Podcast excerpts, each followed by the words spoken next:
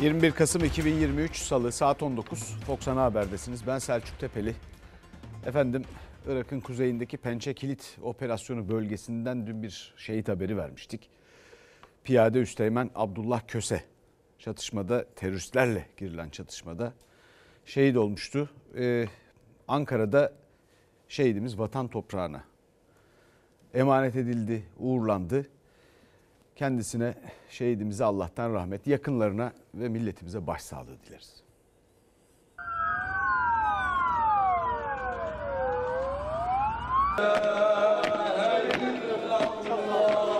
Piyade Üsteğmen Abdullah Köse, Irak'ın kuzeyinde Pençekilit operasyonunda PKK'lı teröristlerle girdiği çatışmada şehit oldu. Kahraman şehit memleketi Ankara'da düzenlenen törenin ardından vatan toprağına emanet edildi.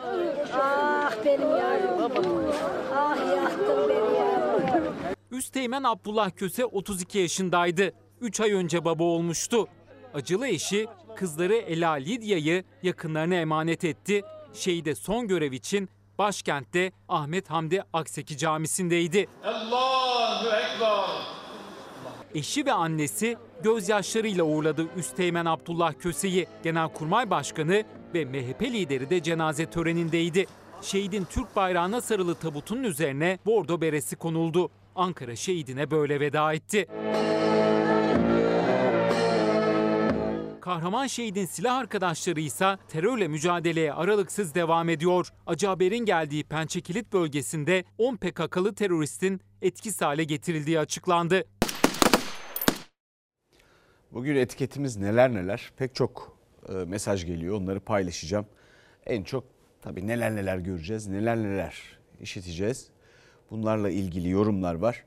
Siyasette herkes kulak kesildi bir yandan. Bir takım gelişmeler tartışmalar var onların başında da 50 artı 1 değişikliği talebi geliyor Cumhurbaşkanı Erdoğan'ın. Fakat Cumhur ortağı Bahçeli bu gündeme tepki gösterdi ve 50 artı 1 tartışmasında Erdoğan sahnede yalnız gibi. %50 artı bir oyla Cumhurbaşkanı seçilmesi çoğulcu demokrasinin dünyaya emsal teşkil edecek model olacak bir şeklidir. 50 artı 1 şartının değişmesi isabetli olur. Çoğunluğu alan adayın seçilmesi usulüne geçilmesi halinde Cumhurbaşkanlığı seçimi de seri olur, uğraştırmaz ve yanlış yollara da sevk etmez. Dikkat buyurunuz. Milletvekili, belediye başkanı, muhtar seçmiyoruz. Cumhurun bütününü temsil edecek Cumhurbaşkanını seçiyoruz. Cumhurbaşkanı Erdoğan'ın 50 artı 1 şartının değiştirilmesi yönündeki çıkışından sonra Cumhur İttifakı ortağı Bahçeli'nin yanıtı. Bahçeli 50 artı 1 Cumhurbaşkanlığı hükümet sisteminin özü dedi. 50 artı 1'den dönüşe kapıyı bir kez daha sert kapattı. Milliyetçi Hareket Partisi olarak dün ne demişsek bugün de aynı çizgide, aynı düşüncede, aynı görüşteyiz. Doğrusu ben de olmasından yanayım. Buradaki 50 artı 1, %50 artı 1 oy bu demek. Bu seçimden sonra böyle bir adım atılabilir. Daha önce Cumhurbaşkanlığı hükümet sisteminin vazgeçilmez kriteri dediği 50 artı 1 şartı için Cumhurbaşkanı Erdoğan Cumhurbaşkanlığı seçiminden sonra değişmesinin gündeme gelebileceğini söylemişti. Almanya dönüşü uçakta 50 artı 1 partileri yanlış yola sevk ediyor diyerek tavrını net ortaya koydu. Mevcutta 50 artı 1 mecburiyeti partileri yanlış yollara sevk ediyor. Kimin eli kimin cebinde belli değil. Yeni sistemle beraber barajın %50 artı 1'e çıkması muhkem bir sayısal çoğunluktan daha çok müstesna bir uzlaşmayı, muazzam bir kucaklaşmayı sağlamıştır. Bu sistemin demokratik meşruiyet temeli %50 artı 1'dir. Daha önce 50 artı 1 şartının değişmesine karşı çıkan Cumhur İttifakı ortağı Bahçeli'deydi gözler. 50 artı 1'den geri adım atmadı. Cumhurbaşkanlığı hükümet sistemi gelip geçici bir heves değildir. Cumhurbaşkanlığı hükümet sistemi işi bitince buluşturulup bir köşeye atılacak tek kullanımlık konjöktürel reçete hiç değildir. 50 artı bir meselesi de yeni anayasa hedefi doğrultusunda bunların hepsi konuşulup tartışılabilir. Elbette Cumhurbaşkanlığı hükümet sisteminin aksayan, tekleyen ve arıza sinyali veren yönleri varsa mutabakatla ele alınıp düzeltilmelidir. Yeni sistemin doğasını zedelemeyecek tamirat ve onarımının karşılıklı anlayış ve uzlaşmayla yapılacağının inancına ve iradesine de sahibiz. Bahçeli Cumhurbaşkanlığı hükümet sistemindeki aksaklıkların giderilmesine varız dedi ama 50 artı bir şartının Cumhurbaşkanlığı hükümet sisteminin değiştirilemez maddesi olduğunu söyledi. Cumhurbaşkanı Erdoğan'a Cumhur İttifakı ortağı Bahçeli'den de destek yok, muhalefetten de. Sistem mi değiştireceksin? Ortak mı değiştireceksin? İttifak mı değiştireceksin? Rahmetli Erbakan'a attığın kazıkta olduğu gibi gömlek mi değiştireceksin? Ne değiştirsen değiştir ama emin ol bizimle birlikte anayasa değiştiremeyeceksin. Cumhurbaşkanlığı hükümet sistemi siz dışarıda zaten yaşıyorsunuz başarısız oluyor. Türkiye'de sistemin, siyasetin tıkanmasına yol açtı. Kurumlar arası uyum ortadan kalktı. Zaten Türkiye'nin hiç denemediği padişahlarda bile olmayan bir takım yetkilerle Cumhurbaşkanını donatmış oldu. Padişahların sadrazamı vardı yani başbakan bugünkü. Şimdi başbakan bile yok. Ekonomideki hali biliyorsunuz bir kıymetli izleyicimiz diyor ki ülke yangın yeri siyasetin konuştukları milletin yaşadıklarından çok uzakta diyor. İnsanlardan, milletten, seçmenden uzaklaştırıyor hükümetleri. Beş yılda bir size halinizi hatırınızı sorarlarsa soruyorlar oradan bakıldığında. Ve daha pek çok kalemde işlerin kötüye gittiğini görüyorsunuz.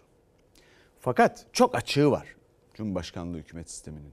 Fakat 50 artı 1'in eğer bu sistem böyle kalırsa değişmesinin mümkün olmadığını söyleyen Bahçeli de orada haklı.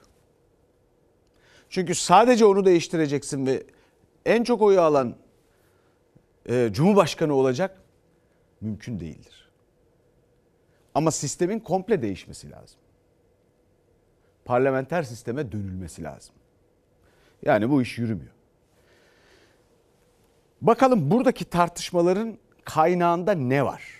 Yani bu tartışma bu 50 artı 1 tartışmasına varana kadar Devlet Bahçeli'nin bugünkü işte bu sert açıklamalarına kadar ne oldu? Neler yaşandı? Mesela Cumhur İttifakı'nda bir hedef çatlağı mı var acaba?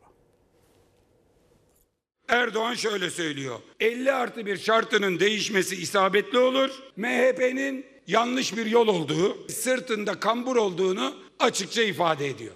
Siyasi hayatımız boyunca hiç kimsenin sırtına binmedik. Hiç kimseyi de sırtımıza bindirmedik. Erdoğan yeni ortaklar arıyor. Bu net. Cumhur İttifakı'nın devamından yanayız. Hiçbir şart altında da bu ittifakın bozulmasına kendi adımıza söylüyorum geçit vermeyeceğiz. Cumhurbaşkanı Erdoğan'ın 50 artı 1 şartı değişmeli teklifine kapıyı kapatan Bahçeli'nin kendi adımıza söylüyorum vurgusuyla Cumhur İttifakı mesajı muhalefete göre AK Parti HEDEP temasına da gönderme. Recep Tayyip Erdoğan bunu hep yapıyor. Muhalefet görüşürse PKK'lı, iktidar görüşürse HEDEP Demokratik Parti oluyor. AKP ve MHP arasında bir çatlak olduğu kesin artık. Onun dışında çok söyleyecek bir şey yok. AK Parti ile HDP arasında bir işbirliği var ve temas değil. temas diyelim. Ben gözümle gördüm. İki HDP yöneticisi, en popülerleri diyeyim hatta. Aynı arabaya bindiler ve iktidardan önemli bir isimle görüşmeye gittiler. Fox'ta orta sayfa programında gündeme gelmişti. AK Parti HEDEP görüşmesi. Adalet Bakanı da o görüşmeyi doğruladı. MHP lideri Bahçeli AK Parti HEDEP temasına ilişkin hiç konuşmadı ama Erdoğan'ın 50 artı 1 çıkışı sonrası kurduğu cümleler Cumhur İttifakı'na da mesaj olarak yorumlandı. Milliyetçi Hareket Partisi yancı değildir, ufakçı değildir, ulufeye talip değildir. İkbale meraklı değildir. Farklı ittifak arayışları içerisinde Erdoğan'ın olduğunu da gösteriyor. Bahçeli de buna karşı kendi cevabını verdi. Sayın Cumhurbaşkanımızın başarıya ulaşması için her özveriyi gösterdik. Kiminle istiyorsa görüşüp temas kurmasına destek verdik. Hatta pahrimizden ihraç edilen bir şahısla bile aynı kareye girmeye içimiz acısa bile ses çıkarmadık. Sanıyorum Herkes mesajı aldı ve anladı. Böyle bir muameleyi hak etmediklerini düşünüyor. İşte Sinan Oğan'dan tutun da Destici'ye kadar tüm bunlar bize rağmen siz bunu yapıyorsunuz diye aslında da bir yerde de sitemi gösteriyor. Öyle MHP ile baş başa verdik. Noktasını virgülünü değiştirmez dersen seni böyle esir alırlar kardeşim. Derdine kendin yan. Muhalefetin Cumhur İttifakı'nda çatlak yorumları, CHP Genel Başkanı Özgür Özel'in Erdoğan Bahçeli tarafından esir alındı sözleri. Devlet Bahçeli ittifakta çatlak olmadığını da söyledi. Sayın Cumhurbaşkanımızla diyalogumuz hasbidir, harbidir, haysiyetlidir. hiç kimse de aramıza giremeyecektir. Bu yürümeyen bir evliliği birinin bitirmeye, birinin sürdürmeye devam etmesi gibi oluyor. Eh keratalar, ayrılsanız ne, birleşseniz ne? Hadi oradan keratalar, meşgul etmeyin memleketi. Efendim bütün bu tartışmalar çatlak mı var? Hedef dolayısıyla mı? Bütün bunlar tartışılıyor. İnsanlar başka meselelerle uğraşıyor. Pek çok mesaj da var. Zaten oraya da geliyoruz. Ekonomiyle ilgili sorunlar, insanların alım gücüyle ilgili, maaşlarıyla ilgili sorun, çözülmemiş pek çok sorun var. Şimdi burada bir çatlak mı var? Efendim devam eder mi etmez mi? Bu sistem zorladığı için bir yandan tıkanan siyasette taşıma suyla değirmen döndürüldüğü ortada hükümet kanadında. Ama öte yandan evet orada öyle bir çatlak var. İşte bu sürdürülemez filan diyen muhalefetin şunu yapması lazım. Geleceğe dair bu ülke insanına seçmene ne önerecekler? Bunu bir an önce düşünüp taşınıp planlayıp lisanı münasiple, Arabiyle, Farisiyle söylemelerinde fayda var. Hem de öyle orada burada çatlak falan beklemeden. Çünkü onun bir faydası yok kendilerine. Efendim meclisten devam edelim. Mecliste küfür gerginliği. En az bu konuda sizler kadar duyarlıyız. İyi dedim ya. Beni ve parlamenter arkadaşlarımı parlamentoyu bağlayacak hiçbir husus bulunmamaktadır. Öyle geçiştirmekle olmaz. Yalan söylüyorsun. Yalan söylüyorsun. MHP'li Meclis Başkan Vekili Celal Adan ile HDP arasında küfür kavgası. HDP özür istedi. Celal Adan özür dilemedi. HDP'li vekiller meclis kürsüsünü işgal ederek tepki gösterdi.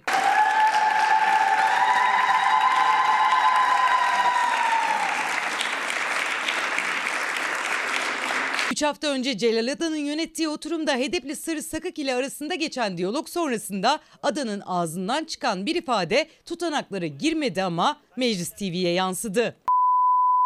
İyi dedim ya. Asla bunu kabul etmiyoruz. Buna yönelik her zaman tepkimizi en sert biçimde göstereceğiz. Geçtiğimiz günlerde meclisi yönettiğim oturumla ilgili olarak ifade ettiğim hususlar tutanaklarda yer almaktadır. Beni ve parlamentoyu bağlayacak hiçbir husus bulunmamaktadır. Kimse hiçbir grubu ya da kişiyi hedeflememiş bir ifade olduğu net olarak ifade edilsin ve özür dilensin bu konuda. Oluş Kınıyoruz, protesto ediyoruz. Küfür olayının yaşandığı günden sonra Celal Adan'ın yönettiği ilk oturumda HEDEP Adan'ın özür dilemesini istedi. Ancak Celal Adan tutanaklar esastır deyip Meclis TV'ye yansıyan ama tutanağa girmeyen ifadesi için özür dilemedi.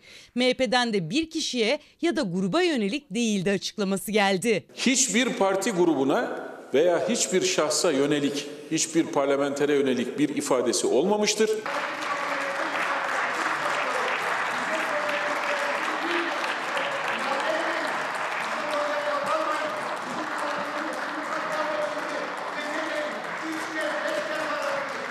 Yalan söylüyorsun. Yalan söylüyorsun. Aradım mı ben sizi? Aradım mı? Oluş Bey aradım mı? Geç yerine. Geç yerine hadi. Gündem dışı ilk söz Kahramanmaraş hakkında Bu vesileyle Ha, bu arada bütün bu tartışmalar filan o ortaklığın bozulacağını filan da zannetmiyorum.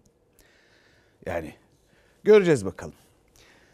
E, öbür taraftan muhalefetin bir diğer partisine İyi Parti'ye bakalım. Neler oluyor? İyi Parti kaynıyor.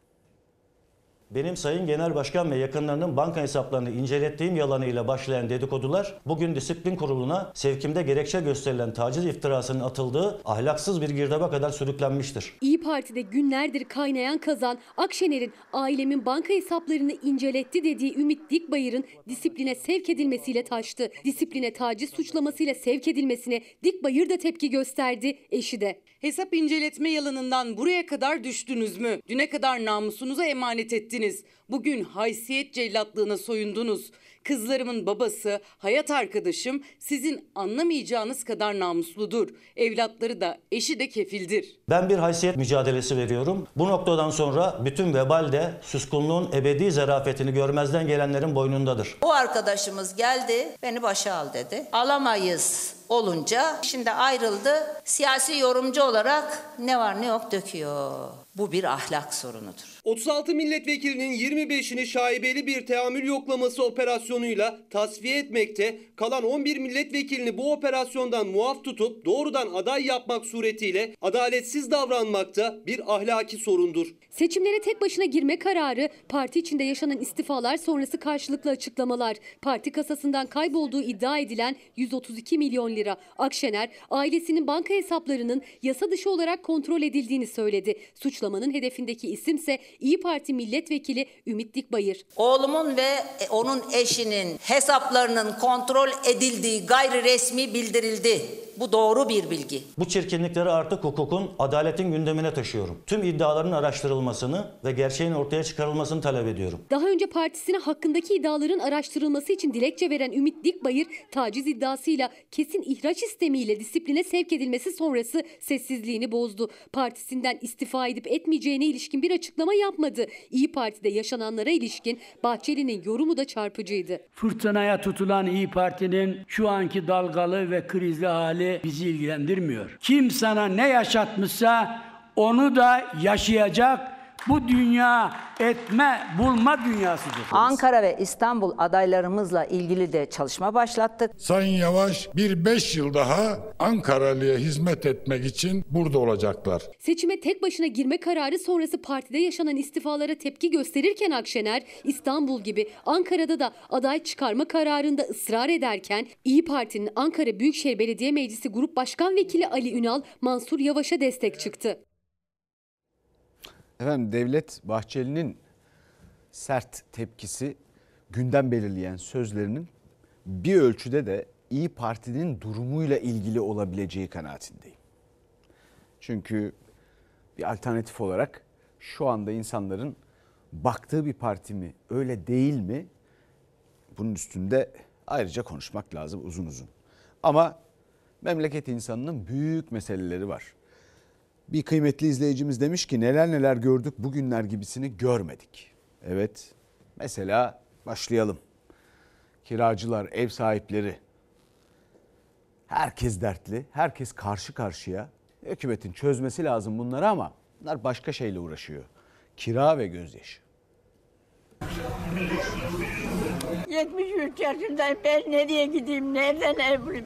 Bir aydır ev alıyorum bulamadım. Kirasını günü gününe ödedim.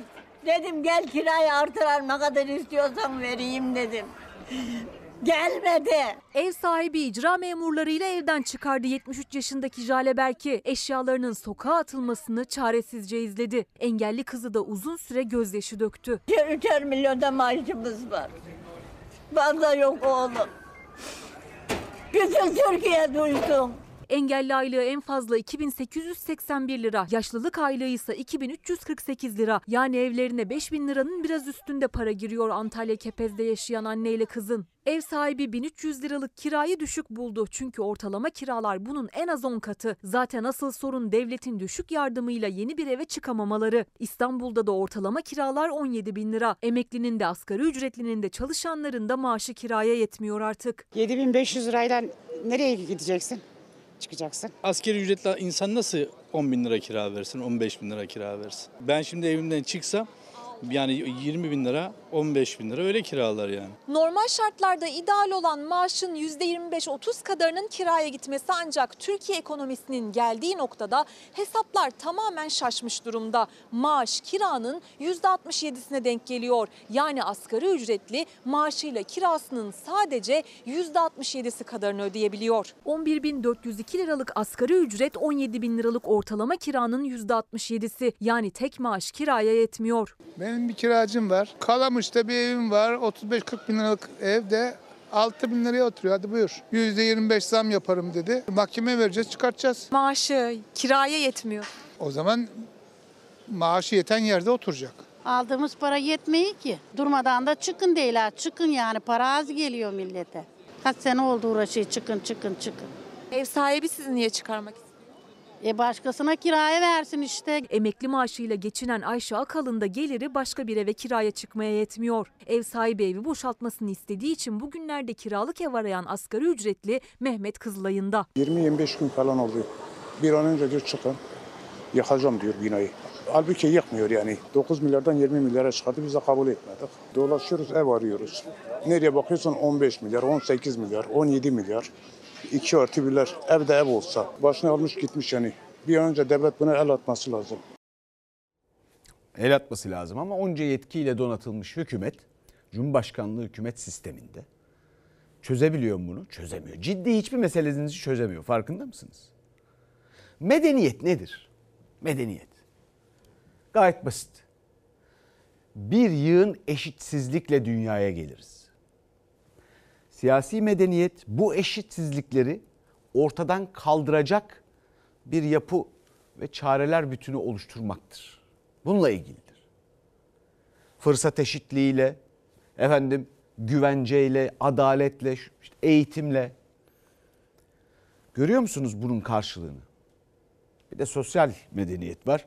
Ona da birazdan geleceğiz. Şimdi bakalım fiyatlara. Mesela hayat pahalılığını çözdüler mi? Hep söylediler. Şöyle çözeceğiz, böyle çözeceğiz. Çözdüler mi? E, buyurun. Baktık, hep bakıyoruz. Siz de bakıyorsunuz. Fiş aynı. Zam 2 yılda yüzde 221. Fiyatlar uçuk. Ne markete gidebiliyorsun ne alışveriş yapabiliyorsun. Her şey ateş pahası yani. Alamıyorsun zaten. Böyle bir filme bakar gibi sadece fiyatlara bak bakıyorsun. Bakıp geçiyorsun. Kilo falan artık sor- soramıyoruz. Gerçekten soramıyoruz çünkü fiyatlara yetişemiyor. Bir gördüğü etiketin aynısını bir daha bulamıyor tüketici. Alışveriş fişleri ise hesabını şaşırdıkları zamların kanıtı. İşte 2021 yılında bir market fişi. 6 temel gıda ürününün hepsi zamlandı. Toplam fiyat 106 lira 45 kuruştan 342 lira 25 kuruşa çıktı. İki oda zam %221. Bir yıl önce alışveriş fişinde bu çayın fiyatı 39 lira 95 kuruş. Bugün ise tam 90 lira. Ve aradan bir yıl daha geçti. Çay fiyatının geldiği son nokta 130 lira. 1 kiloluk çay 2021 yılında 40 lira bile değildi. Artık 130 lira. Rekor şekerde 6 lira 95 kuruştu eski fişte. Artık 37 lira. Yani 5 katını aştı. Yumurta, makarna, domates hepsinin fiyatı arttı. Yumurta da 2 yılda fiyatını 4'e katladı. Hangi yemek olursa olsun yağsız olmuyor. Geçtiğimiz yıl bu yağın fiyatı ortalama 22 liraydı. Bugün ise 50 lira. Yağın etiketteki fiyatı yükseldikçe yemekteki miktarı azaldı. Çünkü 1 litre yağın fiyatı raflarda bugün 53 liraya dayandı. Bir kutu yumurta alıyoruz değil mi? İşte 45, o- 10 gün geçmiyor 55, 10 gün geçmeye gidiyoruz 65. Yani savruluyoruz. Eşim zavallım 24 saat çalışıyor. Yani isyandayız. Toplam tutar ne kadar? 249 lira 20 kuruş. Ekim 2021'deki alışveriş fişinden en temel ihtiyaçları belirledik. 6 ürün seçtik. O gün bu ürünlerin toplam tutarı 106 lira 45 kuruştu. Bugün ise aynı 6 ürünün toplam tutarı tam 250 lira. Ve Kasım 2023 aynı 6 ürünün bugünkü toplam tutarı 342 lira 25 kuruş. Geçen yıl Kasım ayında 250 lira tutan alışveriş için artık 100 lira daha para ayırması gerekiyor tüketicilerin. Bu sadece 6 temel gıda ürünü için. Alışveriş listesi uzun, alınabilense artık daha az. Et mi kaynıyor, dert mi kaynıyor, tencere biliyor. 62'den beri bu İstanbul'dayım. Böyle bir şey görmedim. Çok şeyler söyleyeceğim de söylemek istemiyorum. Olmaz sonra. Evet şimdi geldik bakın eşitsizliklerle bir yığın eşitsizlikle doğarız dedim. Şimdi tam da onun haberine geldik. Bu eşitsizlikleri dengelemek fırsat eşitliğiyle bunların ortadan kaldırılması için çabalamak medeniyetin işidir. Siyaset bunun için vardır. Ortadan kalkmasını boş verin. Yepyeni eşitsizlikler yaratıyorlar. Ve bunları da yasa diye lanse ediyorlar bir de. Efendim doğum yardımı 8 yıldır 300 lira. E bir kutu mamaya yetiyor mu? Hayır.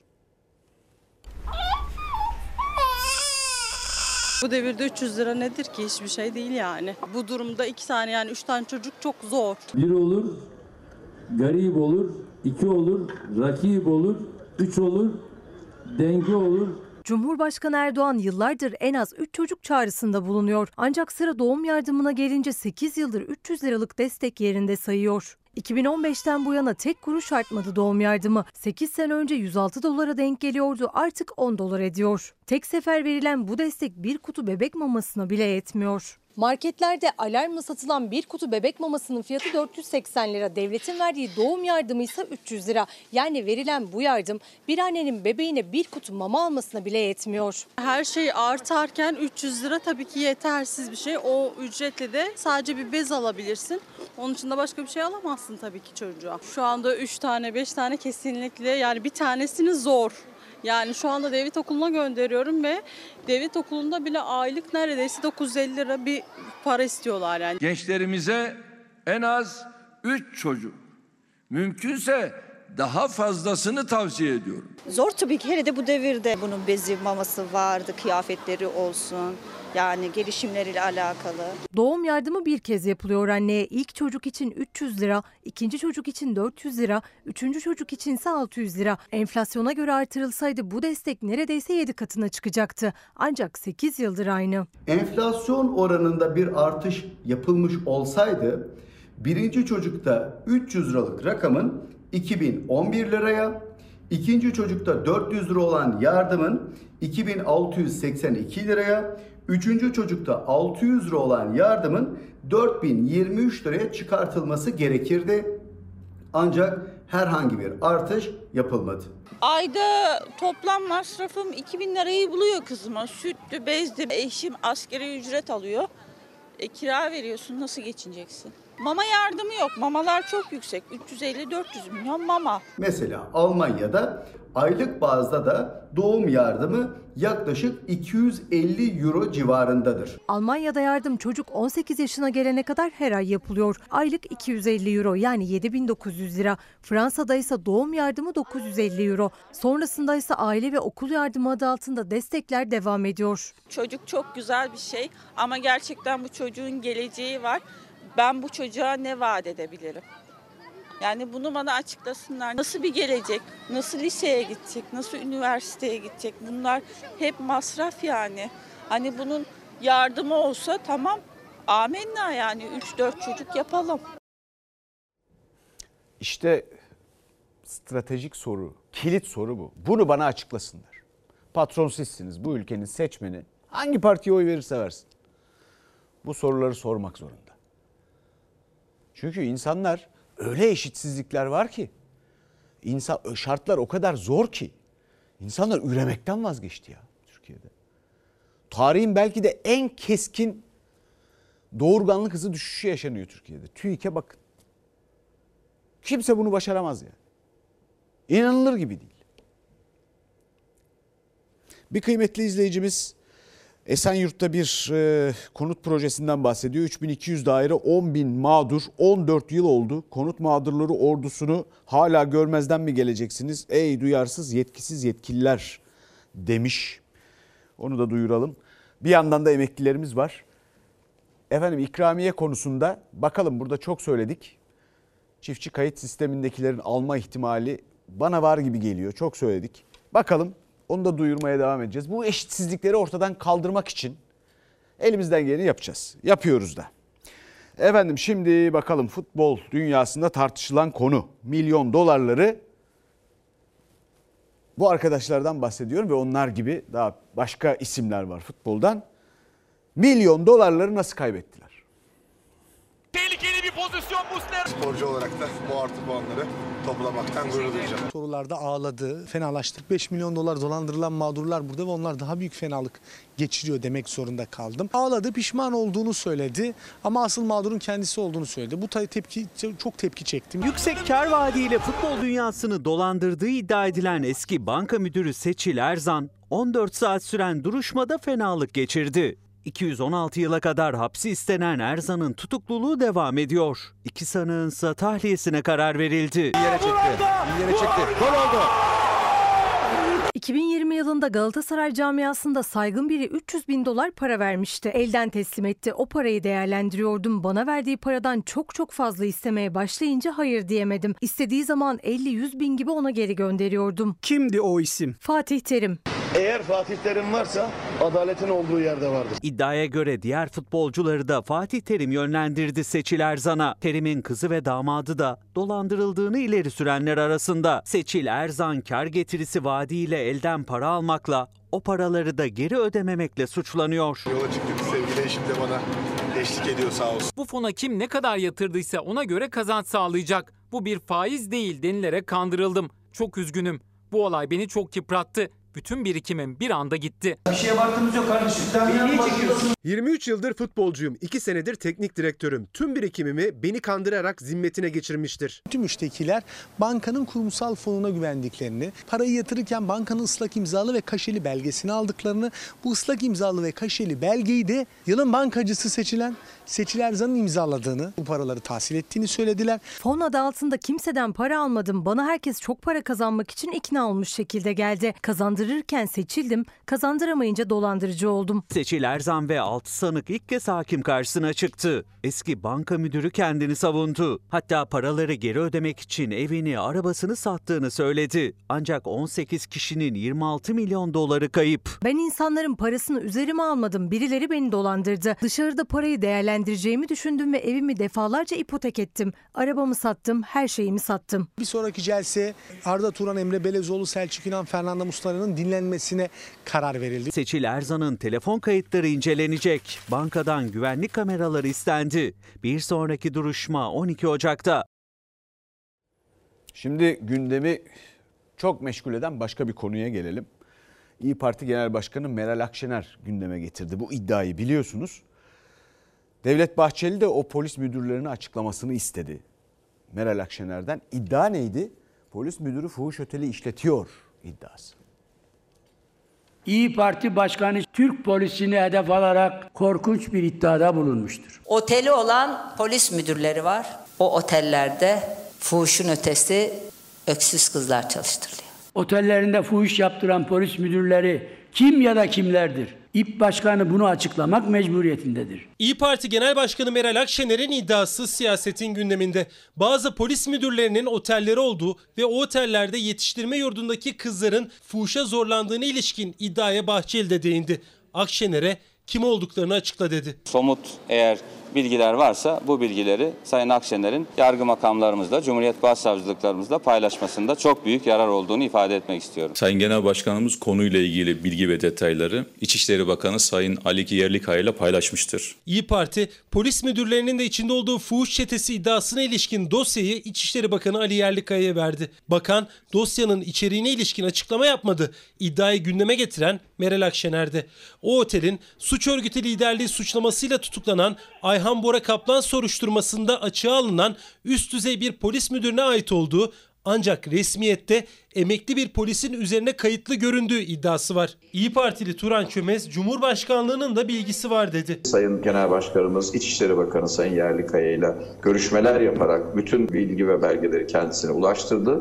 Konudan Cumhurbaşkanlığının da bilgisi var ve İçişleri Bakanlığı bu gelen bilgiler ışığında gerçekten büyük bir dehşete düştüğünü de ifade etti. Bu iddianın ispatlanması muhatabı için bir siyasi onur meseledir. Hiç kimse Türk polisini töhmet altında bırakamaz. Sözü söyleyip de ucunu açmak, bırakmak pişkinlik ve kurnazlıktır. Yetiştirme yurdunda büyüyen ve aynı kişi tarafından öldürülen Aleyna Çakır ve Esra Hankul'un da bir fuhuş çetesinin kurbanları olduğu yakın zamandaki cinayetlerle gündeme gelmişti.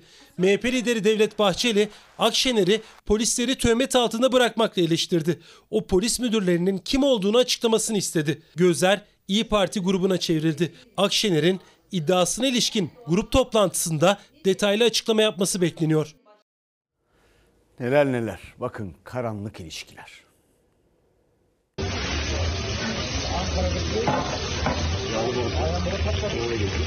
Ne oldu abla? Öyle diyorum çok iyi Böyle değiliz. Vergi kaçırma, yasa dışı bahis, kara para aklama ve suç örgütü kurma suçlamalarıyla iki hafta önce tutuklanan Polat ailesinin sosyal medyaya düşen son videosu. Restoranda cep telefonuyla yedikleri yemeği çekerken arkadaki sohbette duyulan bir isim. Suç örgütü liderliğinden tutuklanan Ayhan Bora Kaplan. Suç organizasyonları genelde birbiriyle irtibatlıdır. Hepsi birbirini tanırlar. Onların arkasındaki gücü bilmek lazım. Ay ülkenin bakanının işi gücü yok bir de Süleyman Soylu'nun saçma sapan işlerinize mi?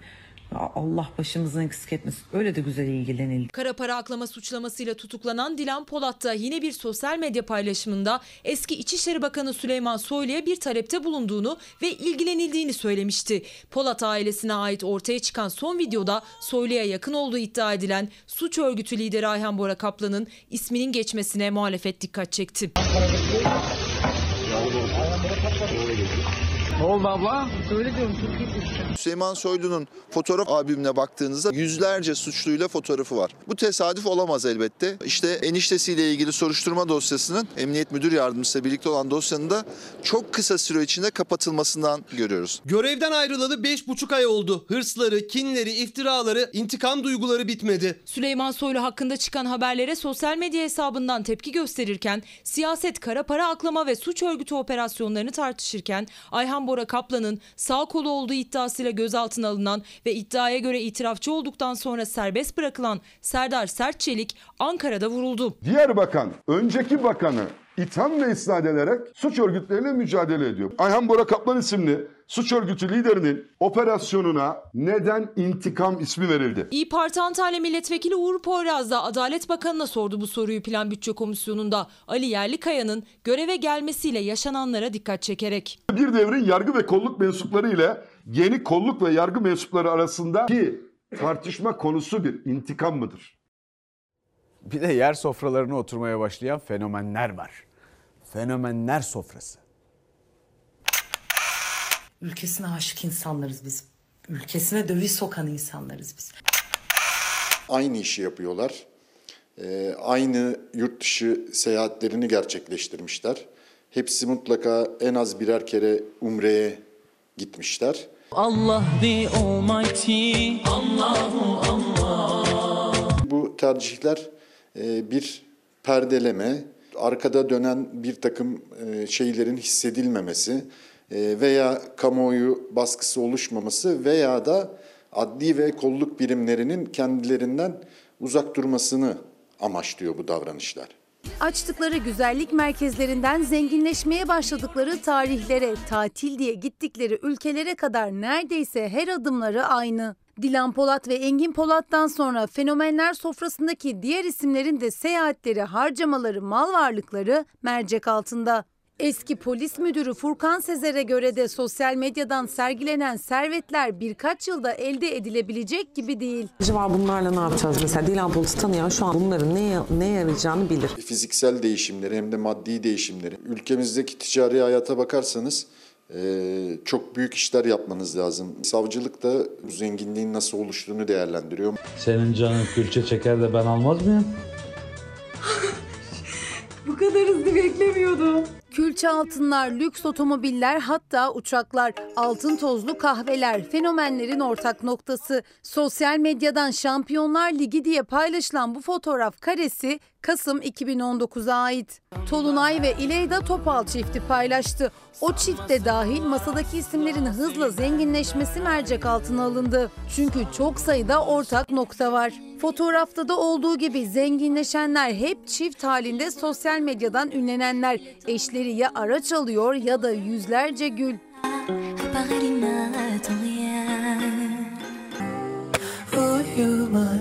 Mutluluk dolu paylaşımlarına yurt dışı seyahatleri eşlik ediyor fenomenlerin. Özellikle de Kıbrıs, Gürcistan ve Dubai bu ülkeler kara para trafiğinin de en yoğun olduğu ülkeler. Gürcistan, Kıbrıs gibi ülkeler e, kolay çıkabileceğiniz, e, vize istemeyen e, ülkeler. Dubai offshore bankacılığının yapıldığı yerlerden bir tanesi. Türkiye gibi gri listede. İstediğiniz gibi mevduat götürebilirsiniz. İstediğiniz kadar da bu mevduatları zamanı geldiğinde e, arttırabilirsiniz. Akladıktan sonra tekrar başladığı yere Türkiye'ye geri getirmek çok kolay. Eski polis müdürü Furkan Sezer'e göre fenomenlerin lüks yaşantılarını paylaşmaları da tesadüf olmayabilir. Dersiniz ki suç işleyen birisi varsa bu kadar insanların gözüne sokmaz. Orada bir perdeleme vardır. Bunu daha önceki örgütlerde de gördük biz. İşte Adnan Oktar'da da gördük. Tutan bir iletişim stratejisi. Dolayısıyla tutmuş olandan hepsi açılan yoldan devam ediyorlar. Allah Allah. Ay Engin ben de seni çok seviyorum. O fenomenlerden biri Amerika'da 11 ev aldığı iddiasına yine sosyal medyadan yanıt verdi. Para çok, para çok. Paracıklar savururum. Para çok, para çok. 5 evle başladık. Bir 24 ev oldu. Sonra bir 11'e düştü. Bayağı izlenmelerim de arttı bu arada. Hoş gelsinler. Biraz bir takip etsinler bakalım beni. Polatlar davası ile birlikte fenomenler mercek altında. O sofrada olanlardan biri de uzun yıllardır sosyal medya paylaşımlarıyla tanınan Eylül Öztürk'tü. 5 milyon dolarla Amerika'ya yerleştiği, oradan 11 ev aldığı iddia edildi. Şimdi bu paranın kaynağı araştırılıyor. Eylül Öztürk hakkındaki iddialara ilişkin ilk kez konuştu. Desem ki o öyle değil böyle desem. İnanacaklar mı? Kimlerle ilgili neler açıklama yaptı. İnanmadılar. Fenomenler sofrasında buluşmalarının yanı sıra geçmişte Dilan Polat'ın da yakın arkadaşıydı Eylül Öztürk. İki aile sık sık bir araya geliyordu. Dilan Polat'ın çok konuşulan Baby Shower partisinde de yine Eylül Öztürk misafirleri arasındaydı. Ben bu videoları çekerken bir baktım ki aa popüler olmuşum. Bir senelik maaşımı tek seferde ödeyeceğini taahhüt etti. Özel jet hostesliğiyle başlayan iş hayatı sosyal medyada güldüren paylaşımları ve oyunculukla sürdü. Yakın arkadaşı Dilan Polat gibi Eylül Öztürk de güzellik merkezi açtı. Bir yıl içinde merkezlerinin sayısı da arttı, kazancı da. Yüzünüze estetik yaptırdığınız söylendi. Evet, evet. Bugün sizi burada görmüşken bu konuya bir açıklık getirebilir Yaptım, miyiz? Her yerimi yaptırdım. Çok da iyi yaptırdım. Kara para aklama suçlamasıyla yargılanan Polat çifti ile Eylül Öztürk ve eşinin aynı yoldan yürümesi dikkat çekti. Eylül Öztürk ve Dilan Polat daha sonra kavgalı bir şekilde arkadaşlıklarını sona erdirdi. Bunlar böyle işte e, para kazanıyorlar da, böyle Amerika'da ev alıyorlar da, bu paraların da nereye gittiği belli değil zaten de falan. O kadar stres yapmışım ki benim sütüm kesilmişti Alice. Hiç, hiçbir zaman unutmuyorum. Dedim ki ahtım olsun ben dedim bunu yapanı bulursam. Kim dedim çünkü benim hani Amerika'da ev aldığımı kim bilebilir benim yakın çevremden başka. Bu açıklamasında aldım dediği Amerika'daki evlerinin sayısı bilinmiyor Eylül Öztürk'ün. Henüz hakkında soruşturma yok. Şimşekleri üstüne çekmesinin nedeni ise Dilan Polat'la ortak fotoğrafları ve ortak kariyer öyküleri. Tek fark fenomenler araştırılmaya başlamadan önce yurt dışına yerleşmesi. Bugün sizlerle Maldivler'de işte gezeceğiz, tolacağız öyle çıktık. Bundan sonra e, dünyanın her bir ülkesine gidip 5 milyon dolarla ülkeden ayrıldığı ve Amerika'da 11 ev sahibi olduğu ileri sürülen Eylül Öztürk iddialara sessiz kalmadı. Ancak net bir açıklama da yapmadı. Başına iddiaya göre yazıp bundan sonrasında da hani tekneler, yatlar, helikopterler ki bunları da söylediler. Şimdi bir estetik faciasından başka bir estetik faciasına bakalım. Estetiğimiz var. Neler var? Dudak var, burun var.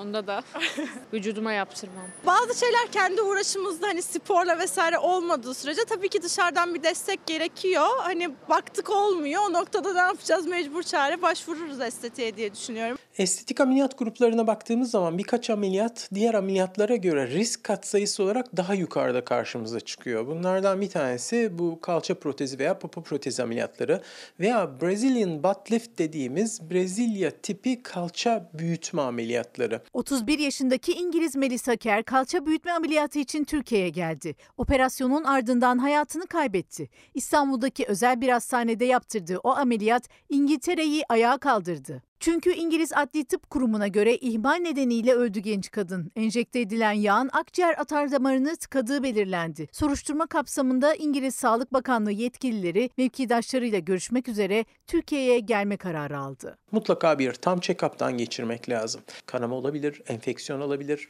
yağ embolileri veyahut da damar embolileri olabilir. Ölümle sonuçlanan vakalar olabilir. Türkiye'de yıldan yıla yaygınlaşıyor kalça büyütme ameliyatları. Türkiye Estetik Plastik Cerrahi Derneği Başkanı Profesör Doktor Reha Yavuzer'e göre bu tür operasyonlardan önce detaylı kontrollerin yapılması şart. İngiliz kadının ailesi de yaşadıkları büyük acının ardından estetik turizmine karşı kadınları sosyal medyadan uyarıyor. Bazen yağ parçalarının koku kopup bu damarların içerisine kaçması söz konusu olabiliyor. Buna yağ embolisi diyoruz. Zaten vücut kabul etmiyor o tarz protezleri. Sıkıntı olabiliyor. Yaptırmayı düşünür Korktuğum için yok düşünmem.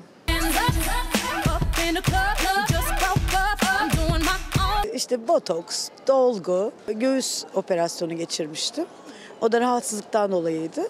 E, o kadar. Düşünüyor musunuz ileride şunu olsam bunu ki. Herkes Ajda Pekan olmak ister.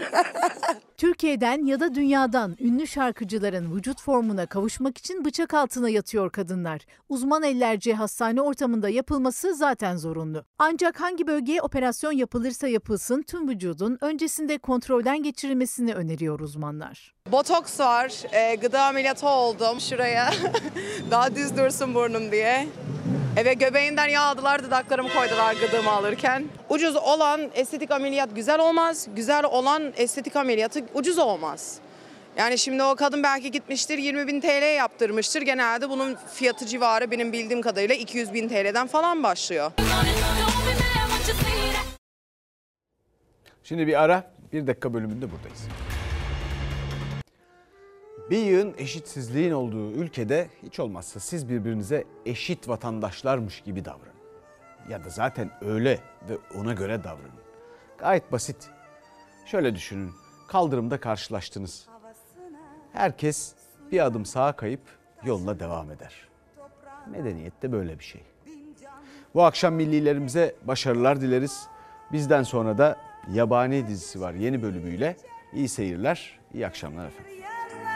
İçin bir başkadır benim memleketim.